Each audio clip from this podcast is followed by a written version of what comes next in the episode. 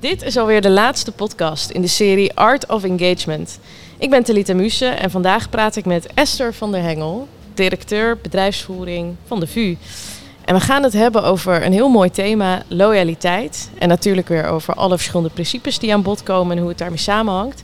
Want hoe loyaal ben je bijvoorbeeld aan een organisatie waarvan je ziet dat er nog veel werk aan de winkel is? Welkom Esther. Dankjewel. Voel je je al loyaal aan de VU? Heb je dat, dat gevoel? Absoluut, ja. ja. Ehm, ik had gelijk al bij mijn sollicitatie, uh, waarbij je gaat kijken naar hoe ziet de website eruit, uh, hoe ziet het strategisch plan eruit, had ik wel, ik vond dat dat er goed uitzag. Ook um, ja, de de, de, manier waarop het in ieder geval werd gepresenteerd over leiderschap, dat sprak mij wel direct aan. Dus dat was echt wel dat ik dacht van hé, hey, dat is wel een organisatie waar ik zou kunnen landen. Wat, wat zag je wat ze goed deden? Um, wat ja, ik, vind, ik vind sowieso het, het hele onderzoek, onderwijs, uh, uh, valorisatie ook steeds meer. Uh, vind ik echt super. Vind ik, vind ik gewoon heel mooi om mhm. daarmee om in een organisatie te zijn wat, wat dat als primaire taken heeft. En wat ik gewoon heel goed vind is ja, de manier waarop de VU, waarop mensen bij de VU met elkaar omgaan. Hmm. Dat, het is heel informeel, prettig. Um, in ieder geval, ik merk dat mensen me altijd heel graag willen helpen, um, met je in gesprek willen. Dat vind ik echt heel fijn in de organisatie. Ik heb ook echt hele fantastische collega's bij Beta. Ja. Had je ook gelijk al dat je dingen zag van, oh ja, dit wordt wel mijn opdracht hier? Of? Er was een duidelijke, of er waren duidelijke opdrachten.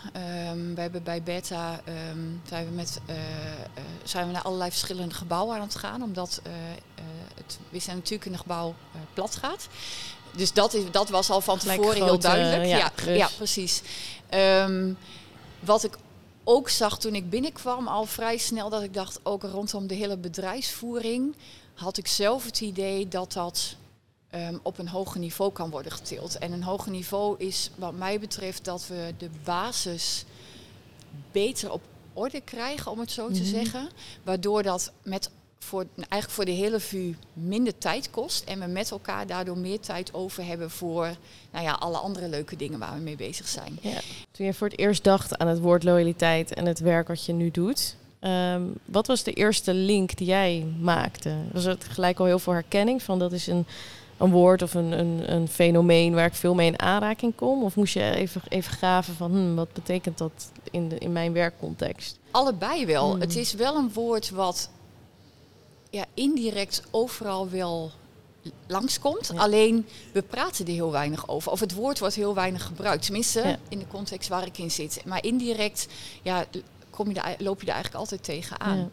Dus ook nou ja, wat ik net vertelde, het feit dat ik zelf constateerde of zag dat ik dacht van hé, hey, we kunnen de VU naar een hoog plan tillen qua bedrijfsvoering, heeft wat mij betreft ook met loyaliteit te maken. Ik vind, Hoe dan? Nou ja, in die zin, ik vind VU echt een fantastische organisatie. En ik zou het zo mooi vinden als we met elkaar dit voor elkaar krijgen. Omdat ik, ja, omdat ik echt mhm. oprecht denk dat dat iedereen helpt. Waardoor we veel meer tijd krijgen voor nog meer mooie dingen. En dat Zit is wel een trots in hoe je dat. Uh, ja, ja, ja. maar ik, dat vind ik ook een stuk rondom loyaliteit. Dat je denkt ja, dat je loyaal bent naar de organisatie om de organisatie weer verder te helpen. En op die manier probeert om je inbreng uh, daarin ja. of daarin bij te dragen. Komt daar ook wel eens een spanningsveld met dat je tegelijkertijd ook loyaal kan zijn aan mensen en het eerdere werk wat zij hebben verricht? Ja, Kijk, ik heb een bepaalde gedachte hoe ik denk dat we de VU met elkaar verder kunnen helpen. Maar ik weet ook dat andere mensen daar andere gedachten over hebben. Of inderdaad dat in het verleden al dingen zijn geprobeerd. Um, en het is ook niet per definitie zo wat ik denk dat goed is. Um, dat, en dat het ook per definitie goed is. Want dat denkt de ander ook. En wat ik wel heel belangrijk vind, is daar wel met elkaar echt het echte gesprek over hebben. En op een gegeven moment dan ook daar keuzes in gaan maken. En dan kan het zijn dat de ene keer de keuze wordt gemaakt om nou ja, mijn voorstel te doen, om zo te zeggen. En de andere keer het voorstel wat iemand anders heeft. Um, en ik denk dat het ook belangrijk is dat we dat ook meer met elkaar gaan doen. Ja.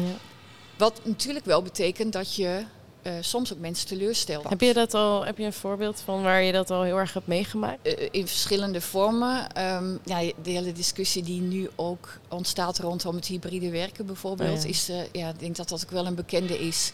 eh, en het hybride werken en ook ehm, het flexwerken, dus zeg maar dat je geen vaste bureaus krijgt, heeft ja, allerlei voor- en nadelen. Ja, er roept van alles bij mensen op. En roept van alles ja, bij mensen op. En dat is heel primair, hè? want een, Ja. een werkplek en hoe je dat inricht, dat is wel echt een basis waar mensen ja, ook aan gewend zijn, ook bepaalde, ehm, ja, bepaald plezier et cetera uithalen. Dus als je dat gaat veranderen en daar dus de, het gesprek met elkaar over hebt, ja, daar zit al heel veel in volgens mij. Ja, want er spelen nu, ik moet bijvoorbeeld ook denken nu aan op dit moment de actuele discussie. Nou, daar hoef je natuurlijk niet helemaal eh, op in te gaan, maar je hebt af en toe eh, mensen van universiteiten, dat gebeurt natuurlijk bij andere organisaties, die eh, nou ja, bijvoorbeeld in de media iets gaan vertellen over hoe het eraan toe gaat op een universiteit. Of of er wel of niet sprake is van een, een bepaalde cultuur of nou, eh, dingen die voorvallen. Ehm, hoe kijk je naar daarnaar? Persoonlijk vind ik het goed dat mensen kritisch zijn op de organisatie. Want ik denk dat eh, als je met elkaar daarover het gesprek blijft voeren, dat je dan ook echt eh, ja, veranderingen krijgt die soms nodig zijn, hè, die, je- waardoor je mee kunt gaan in de tijd. Dus ik denk dat dat heel belangrijk is.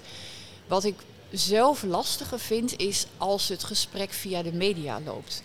Ehm, omdat in de media ehm, is het altijd lastig, vind ik, of lastiger vind ik, om echt het horen en wederhoor te Ja. krijgen. Want dan, nou ja, als je ergens in een krant of in een uitzending, dan heb je vaak één standpunt, maar niet het standpunt van de ander aan tafel. Dus je, je, er wordt altijd één standpunt Ja. belicht, dat vind ik lastig. Ja, Ja. ik snap ook wel dat mensen het soms doen, maar ik vind dat zelf eh, vind ik dat, eh, lastig. Ja.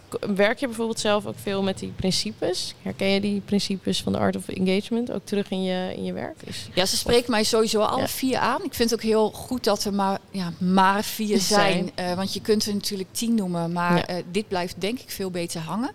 En ze spreken mij allemaal aan en ehm, ze zijn... Ja, Wat is de elke dag moeilijkste? komen ze langs. om in de praktijk te brengen. Ik vind deze dus moed in, eh, in duidelijke keuzes. Ik denk dat we daar als VU nog een goede stap in kunnen maken. Wat ik zie is dat we ehm, heel goed zijn in met ook goed naar elkaar, of in ieder geval eh, eh, ehm, openstaan voor Mhm. het debat, openstaan voor heel veel verschillende meningen. Dat vind ik echt heel positief. Wat ik ook zie is dat dat soms vertragend kan werken in de Hmm. besluitvorming, terwijl je op een aantal vlakken merkt dat mensen daar wel behoefte aan hebben. Wat ik ook zie is op het moment dat er besluiten zijn genomen, dat er toch altijd weer discussie komt over besluiten en dat het dan Weer terug, dat je weer stappen ja, terug precies. gaat. En het is aan de ene kant heel goed om heel veel draagvlak te hebben voordat je een besluit neemt, maar dat kan ook weer heel vertragend werken en je kunt je kunt gewoon niet altijd alle mensen tevreden stellen en alle mensen Heb je een voorbeeld van zo'n discussie waarvan je zegt, ja, die wordt heel breed gevoerd, maar eigenlijk voel je ook aan alles van, nou, misschien is het ook wel fijn als daar gewoon een duidelijk besluit inderdaad in wordt genomen. Nu hebben we wel lang genoeg elkaar allemaal gehoord erover.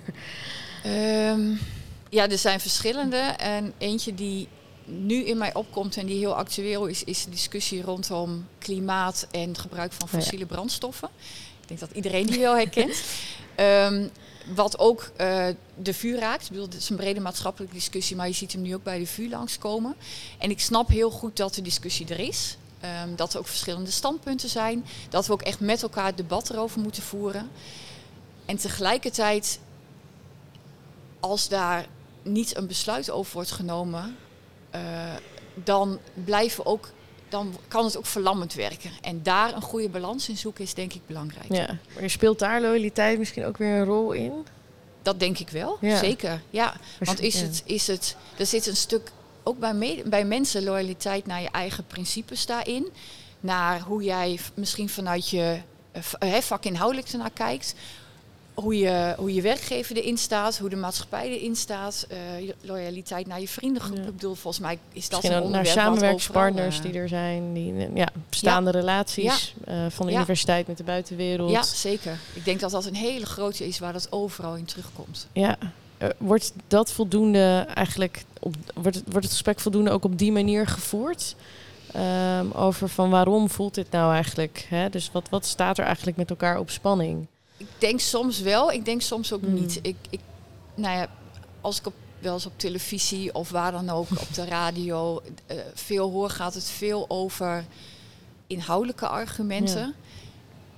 En het lastige daarbij is dat beide partijen nou ja, in mijn ogen gelijk hebben. Want iedereen heeft wel een punt. Ehm, maar dat je elkaar, denk ik, niet gaat overtuigen op de inhoudelijke argumenten. Omdat het namelijk is iets, ook iets is aan je eigen hechtgevoel van je eigen principes. Ja. Ehm, en als we dat debat dus inderdaad op een iets hoger niveau kunnen voeren dan alleen op de inhoud. Um, dat we dan misschien sneller op een gegeven moment naar, nou ja, een, in ieder geval als VU naar een keuze komen van hoe, hoe gaan we hierin staan. En wat zou dat doen? Want je wees hem aan van toon moed in duidelijke keuzes. Wat, wat zou dat dan voor mensen doen op het moment dat de VU gewoon inderdaad een besluit neemt en daar uh, van zegt, nou dit is gewoon wat we hebben besloten, dit gaan we doen? Omdat mensen dan ook een houvast hebben waar ze weer mee verder kunnen. Nu blijft het hangen. En um, dan heb je in allerlei zaken waar je tegenaan loopt, projecten, uh, interviews, uh, loopbaandagen, nou, noem het maar. Um, komt het weer omhoog? Komt het weer omhoog de discussie. En op het moment dat er wel een besluit is genomen van zo gaan we er als VU mee om, ja, dan dan zullen er mensen zijn die het daar niet mee eens zijn. Maar het is wel duidelijk en je kunt wel handelen naar dat besluit. Is dat iets wat je zelf ook toepast? Dus uh, duidelijke besluiten proberen te nemen, zodat mensen inderdaad om je heen door kunnen of weten waar ze aan toe zijn? Is dat iets wat je zo ac bewust actief ook, ook doet? Ja, dat, uh, dat is wel wat ik um, graag wil en wat ik mm -hmm. probeer en wat ik ook denk dat ik doe. Maar het is natuurlijk ook, ook, aan anderen om daarover te zeggen of het zo is. Maar dat is wel, ik vind dat wel heel belangrijk. Wat is het laatste dappere besluit wat je hebt genomen? Er komen heel veel dingen langs gedurende de, de afgelopen weken. Dus ik zou eigenlijk niet één concreet voorbeeld uh, kunnen en willen noemen. En daarin vind ik het echt belangrijk om niet om de heetsbrei heen te draaien, mm -hmm. maar wel aan te geven ja, waar het op staat. Het is Moeilijk. lastig om, zeker als je mensen moet teleurstellen, om dat gesprek aan te gaan. Ik denk dat iedereen dat lastig vindt. Ja, dat is dat zijn niet de, dat, zo. Ja, of, precies. Uh, ja. Dat zijn niet de meest leuke gesprekken altijd. Um, dus dat zal, dat zal in heel veel organisaties zo zijn, vermoed ik. Um, wat ik bij de VU wel zie, is dat we wel wat meer om de hete brei heen draaien dan ik gewend was in mijn vorige functies. Hoe komt dat, denk je? Is dat... Ja, dat is iets wat ergens in de cultuur zit en dat zal heel lang zijn opgebouwd. Mm. En ik denk wel dat, dat als we daar de vinger achter krijgen waarom dit, dit lastig is en waarom we het lastig vinden om die gesprekken te hebben, om uh, snelle keuzes te maken, dat we dan echt stappen kunnen maken. Ik vind het echt een hele mooie organisatie. Ik vind het heel fijn hoe we met elkaar omgaan. En tegelijkertijd heeft het warme bad ook een keerzijde dat we het ook lastig vinden om met elkaar het moeilijke gesprek aan te gaan. Is het een soort familie? Zeg, praten mensen hier over de club, zeg maar, als we zijn een soort familie? Of dat het is... vind ik niet. Dat heb ik ook wel meegemaakt bij groepen. Dat ja. vind ik hier niet. Mm -hmm. Dat vind ik op zich wel fijn dat ja. het ook niet zo is. Want dan krijg, Helemaal dat krijg je dat kliekgevoel. Ja, dan, ja. Dus dat vind ik niet. Ik vind gewoon het feit dat mensen het gewoon heel goed en aardig met elkaar omgaan, is heel prettig, maar heeft dus ook de keerzijde. keerzijde. Ja. En als we daar de vinger achter krijgen van wat is daar de reden van, hoe is dat ontstaan? Ik vind dat heel lastig. Ik weet het antwoord niet, maar ik denk dat als we dat met elkaar wel achterhalen, dat we dan misschien wel een hele grote stap kunnen maken. Hoe, hoe doe jij dat in, in algemene zin? Dus niet misschien een specifiek voorbeeld, maar als je een gesprek met iemand aangaat waarin je zo'n duidelijke beslissing gaat mededelen en je weet dat heeft bepaalde gevolgen of is niet wat die persoon verwacht of hoe, um, hoe raap je dan je moed uh, bij elkaar zeg maar je moet bijeen? Wat, wat doe je dan met je voor jezelf om dat um, aan te gaan? ik bereid het gesprek altijd goed voor. Uh, dat vind ik heel belangrijk. Um, ook daar echt heel duidelijk het boodschap vanaf het begin neerzetten. Dus niet eromheen draaien maar echt neerzetten. Dit is wat we gaan doen. Dit is de keuze. En waarom maar ook de ander duidelijk laten aangeven nou ja, wat hij vindt, voelt, uh, et cetera. Dus ja. wel echt het gesprek met elkaar. Um, en dan verder kijken. Dus als het inderdaad nou ja, niet prettig is voor de andere persoon, negatief gevolgen heeft, wat dan ook. Wel met elkaar kijken, maar hoe kan ik je dan hierbij helpen? Dus besluit wordt niet anders. Ja. Maar hoe kan ik je dan helpen met nou ja, de negatieve, negatieve gevolgen die het mogelijk kan hebben? En hoe kunnen we dat dan eventueel omdraaien? Of kun je, in, het, in het allerslechtste geval, als het zo negatief uitpakt voor iemand, kun je hier dan nog wel werken? Is, is het, dit, past deze organisatie dan wel bij jou? Of zou je misschien moeten kijken naar een andere organisatie die ja. beter past? Dat is natuurlijk heel extreem. Dat ja. gebeurt echt niet dagelijks. Maar dat soort ook, dus dan en daar weer gesprekken met elkaar over hebben. Is dat iets waar we te bang voor zijn met z'n allen? Dat het inderdaad gewoon dan zo, uh, even, ja, zo hard wordt, zeg maar. Ik weet niet of het gevoelig is, want ik, ik denk, het is ook heel spannend om nieuwe dingen te gaan doen. En zeker als je als medewerker, ik noem maar wat, hè, ooit een reorganisatie hebt meegemaakt die gewoon heel vervelend was, dan snap ik heel goed dat als ergens het woord reorganisatie naar voren komt, wat het misschien helemaal niet is, of een organisatieverandering, dat dat heel spannend is en dat je gewoon ook niet weet wat er uitkomt. Onzeker van wordt. Onzeker van wordt. Dus ik denk dat dat heel logisch is. En, en de andere kant is, ja, je moet dat ook niet jaarlijks doen. De andere kant is wel mijn eigen ervaring dat het ook heel dat het ook weer nieuwe dingen kan brengen. Wat is een verandering die jij hebt mogen uh, ja, leiden, begeleiden, waar je heel trots op bent? Waarvan je denkt van ja, inderdaad. Ik, toen merkte ik de, daarna merkte je gewoon dat het heel verfrissend werkte. Het was ook moeilijk, maar daarna merkte je ook uh, de, de, positieve gevolgen daarvan. Um, ja, uiteindelijk zijn dat een aantal keer grote organisatieveranderingen geweest. Ja. Um, waarbij um, er afdelingen moesten worden samengevoegd of gesplitst of delen naar andere plekken in de organisatie moesten worden overgebracht. Waardoor wat voor mensen heel ingewikkeld is. Want die hebben altijd met een bepaalde groep samengewerkt. Die hadden een bepaalde standplaats. Bepaalde, ja. Precies. En die moesten ineens naar ja, soms wel een hele andere stad, een andere locatie. Um, wat heel ingewikkeld is voor mensen, dat snap ik heel goed. Ja. En hoe is het voor jou om eigenlijk die persoon te zijn die vaak mensen vertelt van je moet eh, naar een ander gebouw en je moet veranderen en dit en dat? Kijken mensen jou daarop aan? Ja, ja, ja zeker. Zo van, ja, oh, ik, vind dat, ik vind dat echt, ja, ik vind dat wel lastig en ik ben op een gegeven moment ook aan gewend dat dat er wel bij hoort. En omdat ik een paar keer heb gezien dat het heel goed uitpakte, dus bijvoorbeeld inderdaad heb ik een, wel eens een groep mensen van nou ja, het, de ene locatie mm -hmm. naar de andere locatie uh, overgebracht, omdat ik nou niet alleen ik, maar omdat we met mm -hmm. elkaar um, ervan overtuigd waren dat dat veel beter was voor de samenwerking. En uiteindelijk dat daar, uh, dat daar veel meer mooie dingen uitkwamen. En dat doe je niet alleen. Hè. Ik, we hebben altijd geprobeerd om de mensen vanaf het begin in het verhaal mee te nemen. En uh, nou ja, waar we naartoe gingen. En als je uiteindelijk dus ook ziet dat, dat het veel beter is voor die samenwerking. Ja, um, ja dan, dan heb je wel zoiets van, oh, dit is toch een goede stap geweest. Um, en als je dat een paar keer hebt gezien, dat heeft mij wel geholpen in van oké, okay, maar... Ook vertrouwen dan in jezelf, ja, denk ik. Ja. Toch? Ja. Want je zei eerder van als ik zo'n gesprek inga, dan uh, is het ook belangrijk om het waarom duidelijk te maken. Maar ik hoor bij jou ook wel iets erin, een soort... Uh, dat jij ook persoonlijk mensen ervan overtuigt van... Uh, ja, geloof mij dat ik, dat ik wel echt wel snap, zeg maar, hoe dat deze verandering, dat dat ook iets goeds is.